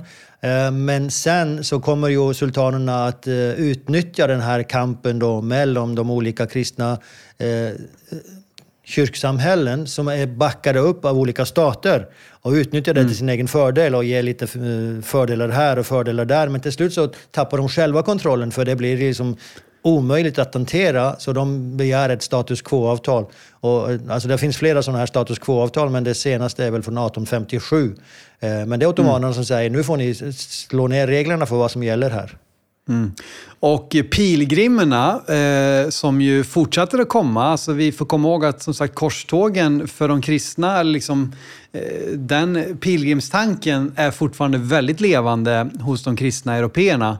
Och eh, där så, det utnyttjar ju även eh, sultanerna och det, det kommer ju att Eh, hela vägen in i Ottomanska rikets fall eh, 1917 så är ju pilgrimerna en väldig intäktskälla. Och eh, när det är påsk och så vidare, då sätter sig den, den liksom, eh, ottomanske regenten och tar betalt för alla pilgrimer som vill både komma in i Jerusalem och de som vill komma in i Heliga Gravens kyrka. Så det är ju en jätteinkomstkälla detta också för alla de ottomanska regenterna under hela deras regeringsperiod egentligen. Att det kommer kristna pilgrimer. Ja, absolut, så man försöker ju hålla det så lugnt som man bara kan för det, är en stor inkomst. Och inte minst också de som vill ner till Jordanien. Den ortodoxa kyrkan ja. har ju väldigt stor ritual vid eh, dopsplatsen där till, till Jesus vid Jordanfloden. Och mm. återigen, det är pengar hela tiden. vid Abu Ghosh, eh, som man kanske en del känner till, en liten för, förort till Jerusalem. Eh, där var ett sånt här eh, bomställe så att säga. Här måste ni betala skatter för ja. ni kommer in till Jerusalem. Ja, på väg från Jaffa, Jaffa-hamnen då upp till Jerusalem. Precis. Eh, så, så att de gjorde stora pengar och därför så var ju liksom, det har ju kommit in på det liksom i 1800-talet när de kristna ännu mer eh, får upp ett nytt intresse för det här området så är ottomanerna hela tiden, liksom, de, de, de, de gillar ju intäkterna som de kristna ger även om de inte vill att, att kristendomen eller judendomen ska ska liksom få något större inflytande så, så, så är de inte motvilliga mot att ta deras pengar. så att säga. Och därför så är de ju liksom ändå okej okay med att de kommer som pilgrimer under hela deras eh, period egentligen. Men du, eh, det, det, uppstår ju också någonting här under Suleiman den store eh, kring Safed. Och nu är vi återigen uppe i, i norra Israel, i Galileen. Där har vi ju de heliga städerna Tiberias och Safed. I söder har vi de heliga städerna Hebron och Jerusalem. Men under den här tiden så får också Safed då i Galileen sin storhetstid som är ett center för judisk mystik kan man säga. Ja, det är ju här som, som Safed egentligen blir en helig stad. Tills nu så har ja, det inte ja, varit det där. Härifrån. Precis. Så, men, men bara för kort om Safeds historia, så, så dess historia går ju långt tillbaka. Eh, man har hittat arkeologiska utgrävningar, eh, bevis från 1500-talet före Kristus. Och eh, på Jesu tid så är det många som menar att det var den här staden som Jesus pekade på. En stad som ligger på ett berg kan inte eh, döljas. Döljas, ja. ja. ja så, I bergspredikan i Matteus 5, 6, 7 där. Ja, ja exakt. Så det kan ju vara, det kan vara så, det, det, vet man inte. Han kan generellt ha talat om vilken som helst stad som ligger på jo, ett berg. Man såg många städer från där han stod. Men ja, så är det.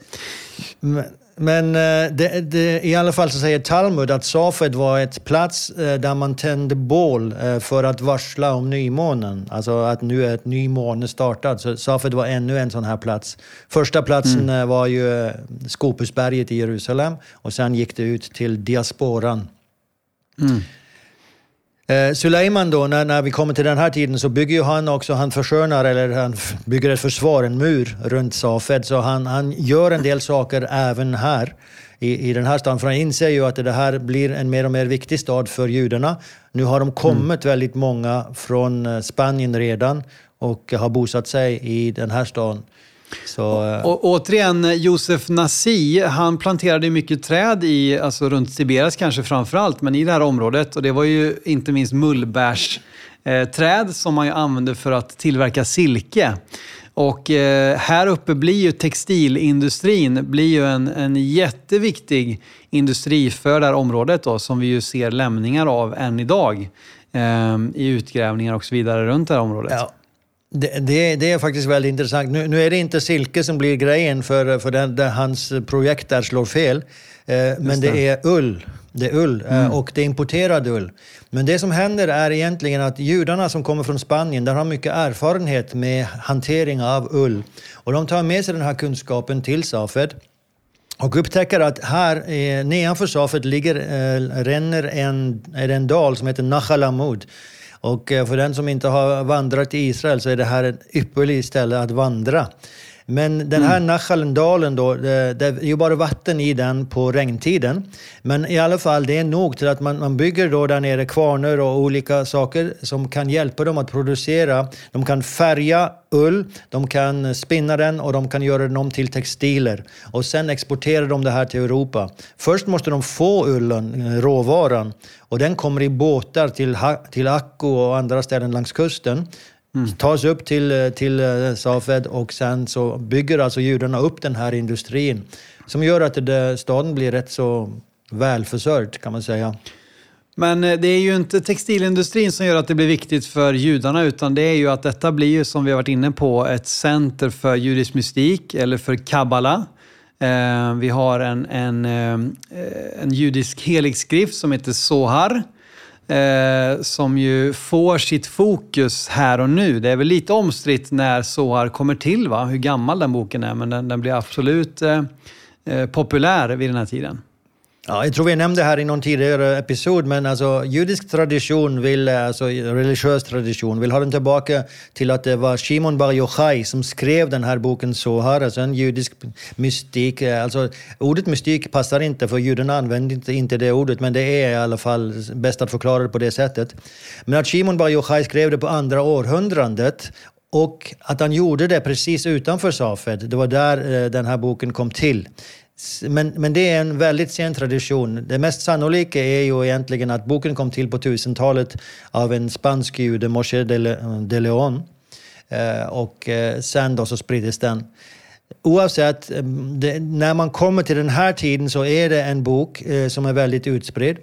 Men bara för att dra kabbala tillbaka till början så, så börjar inte kabbala som, som en slags mystisk grej och en sån här väldigt eh, känslomässig och eh, experience eh, Ja, upplevelsebaserad. Upplevelse. Nej, precis. Det är inte där den börjar. Det är en väldigt intellektuell grej från början. Eh, för det går, det går tillbaka till eh, att eh, vi har nämnt det här skriftstället när vi pratar om Mishna. Då börjar Pirkei Avot, en bok i Mishna, en traktat. Den börjar med att Moses mottog Toran på Sinai. Och det här ordet mottog, det är kabbala, alltså lekabel. Mm. Eh, och då så säger man att i det som Moses mottog låg det också en djupare mening. Och kabbala från början var en väldigt intellektuell eh, exercise, en sak där man verkligen gick in i varje ord i Bibeln och för, mm. försökte dra ut meningen, den underliggande meningen i texten. Och då använde man sig både av uh, tal, alltså talvärdet till varje ord, för varje ord har ett talvärde. Man använde sig mm. av formen på bokstäverna till och med och så vidare. Men uh, oavsett, från början väldigt intellektuell. Så det är först nu då under medeltiden att det blir mycket mer sån här mystisk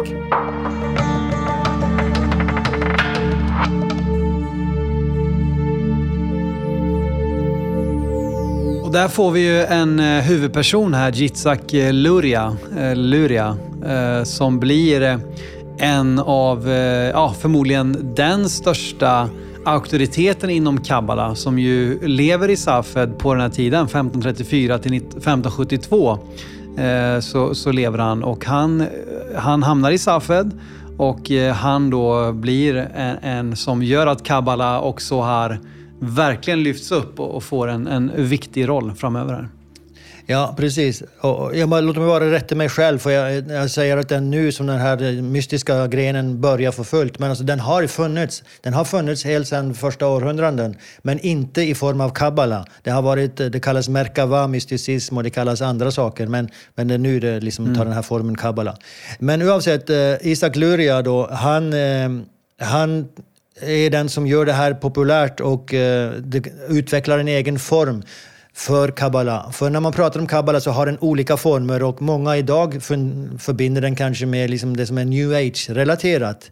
Och, och mm. som har väldigt lite med judisk eh, kabbala att det göra. Finns, det har ju blivit en, en, en sån här Hollywood-religion också. Det finns ju, jag tror väl att Madonna till exempel har varit en, en anhängare, så att det har väl eh, ja. fått många riktningar efter 1500-talet kan man säga.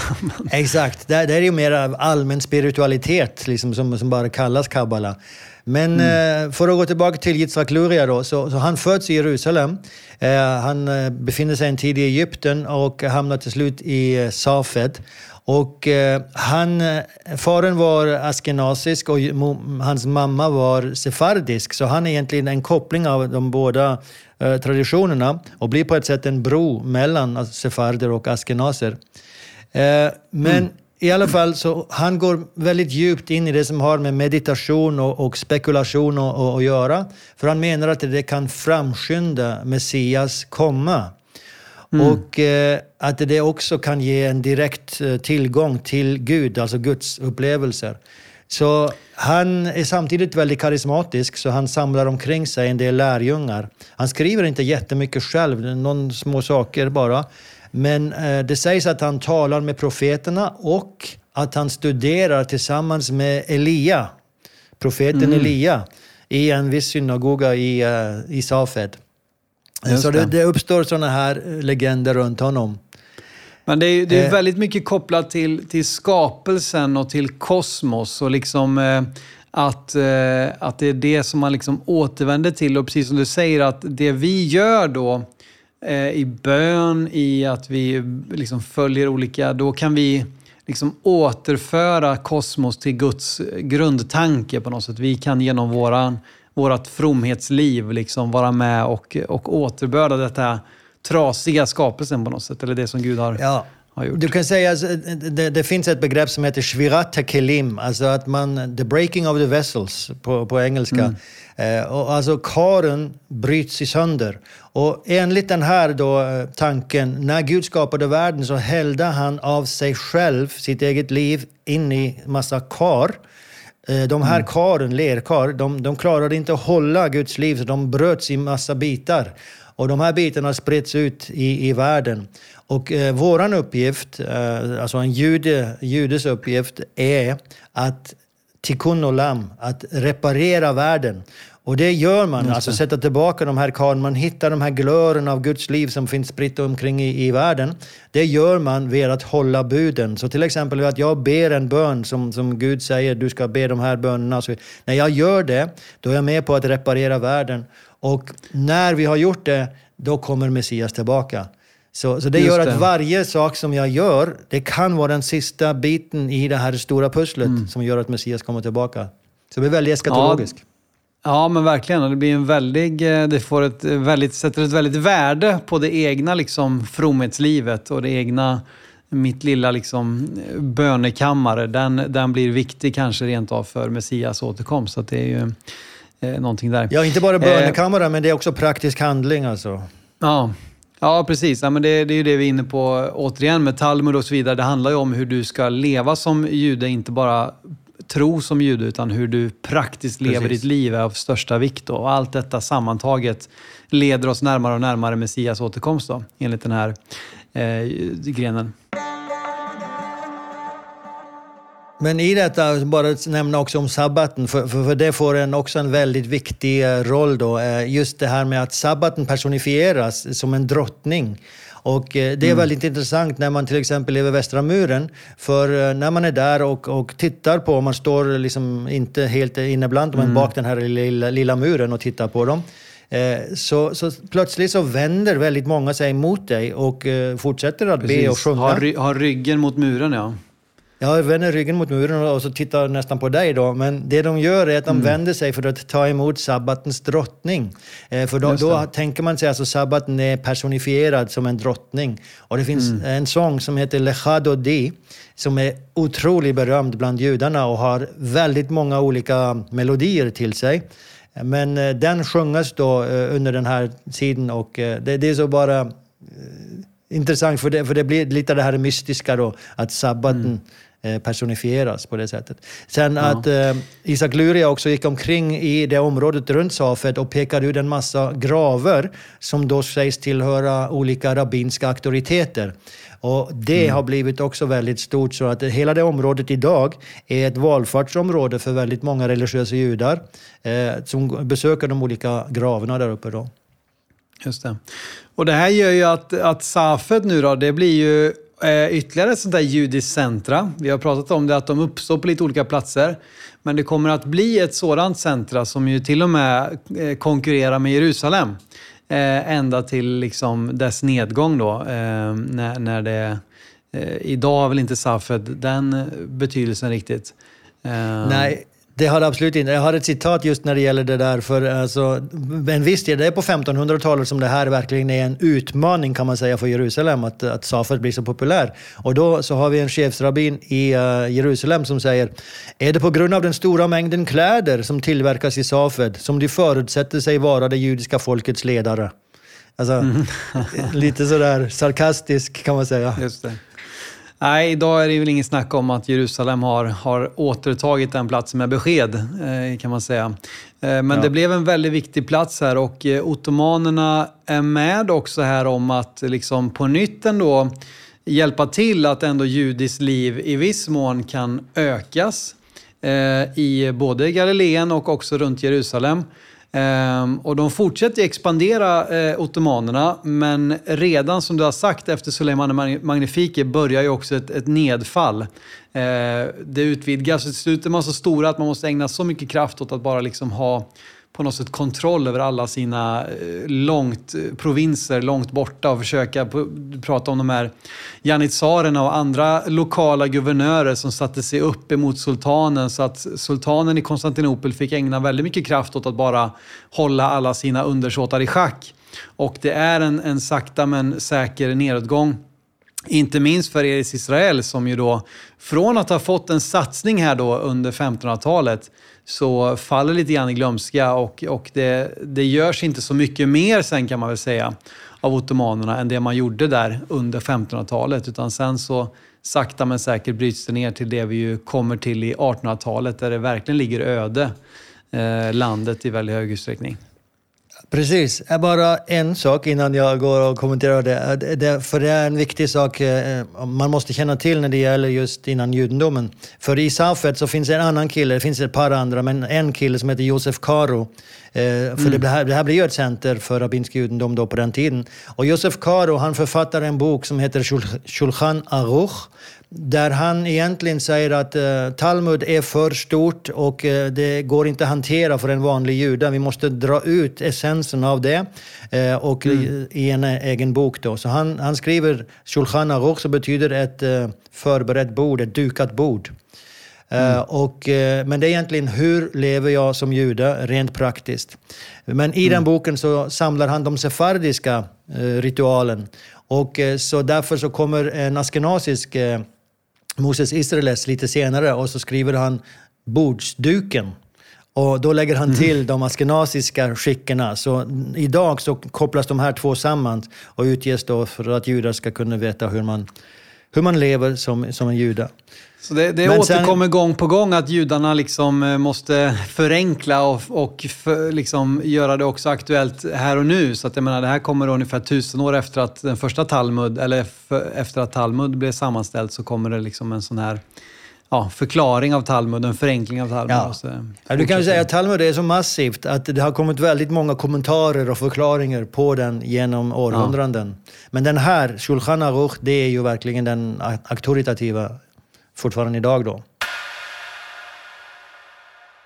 Men som du säger, det går neråt med, med Ottomanska riket och det, det, det är både på grund av internt, som, som du nämnde här, att det finns splittringar och det finns maktkamper och olika sådana saker som sätter sig upp.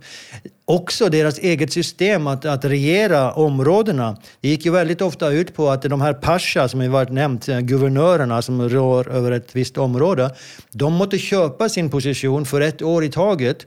Och hela syftet med det var att eh, de skulle få in skatter till Istanbul. Mm. Och om de bara fick in skatterna, då var de nöjda och höll lugn i området. Då var de nöjda i Istanbul. De och det gav inget. Mm. det gav inget initiativ till att förbättra, utbättra, bygga eller någonting. Så hela området då med Eretz Israel, då, om vi talar om det, det blir ju mer och mer ett uh, sån här bak, uh, backwater area. Mm. Uh, där man, uh, ja, det, när man kommer till 1800-talet, och det har vi varit inne på, så, så är det väldigt avlägset, hela området. Mm. Men den 1517 så intas ändå Jerusalem av det Ottomanska riket och till en början så förfinas det och blir inledningen då på liksom det längsta regeringstiden, 400 år under ottomanskt styre, innan till slut brittiska Palestinamandatet och lite senare eh, Eh, staten Israel. Så därför så eh, fick 1517 en väldigt stor betydelse för det judiska folket.